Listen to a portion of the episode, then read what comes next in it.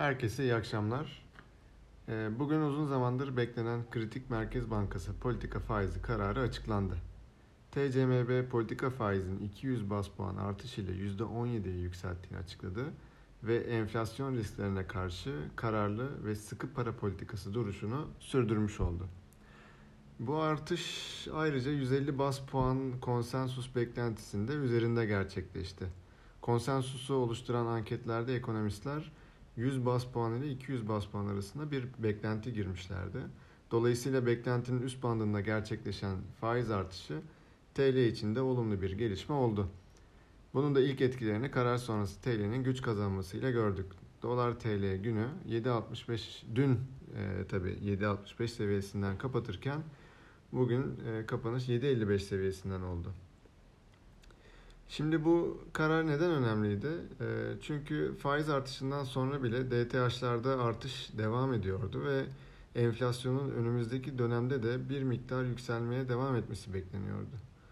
Dolayısıyla beklentileri yönetebilmek açısından sıkı bir duruş sergilemesi önemliydi ve bu sağlanmış oldu. E, açıklanan diğer bir önemli veri ise bence e, haftalık mevduat ve fon akımları verisiydi. Burada geçtiğimiz hafta yani 14-18 Aralık haftasında hisse senedi ve DIPS tarafına toplamda 1.9 milyar dolarlık yabancı giriş olduğunu görüyoruz. Bunun 1.66 e, milyar dolarlık kısmı DIPS girişi. 240 milyon dolarlık kısmı ise hisse senetlerine oldu. Brüt rezerv 3.6 milyar dolar, net rezervler 1.5 milyar dolar artış gösterdi geçtiğimiz hafta. Ve az önce bahsettiğim DTH artışı geçtiğimiz haftada 2.9 milyar dolar artışıyla devam etmiş.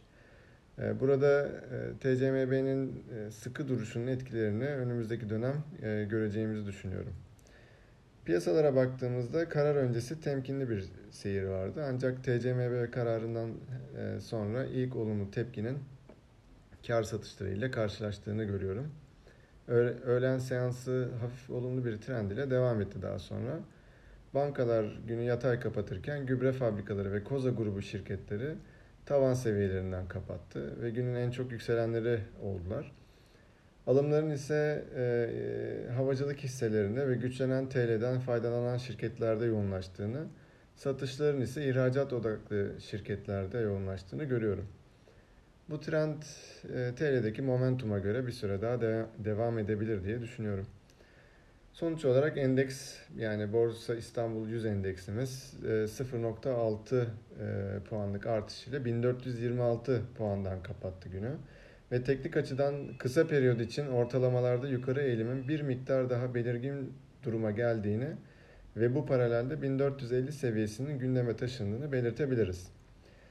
E, yarın önemli bir veri akışı bulunmuyor. Yurt dışı piyasaların Noel nedeniyle kapalı olduğundan e, piyasamızın bugünden devraldığı tema ile haftayı olumlu tamamlamasını bekliyoruz.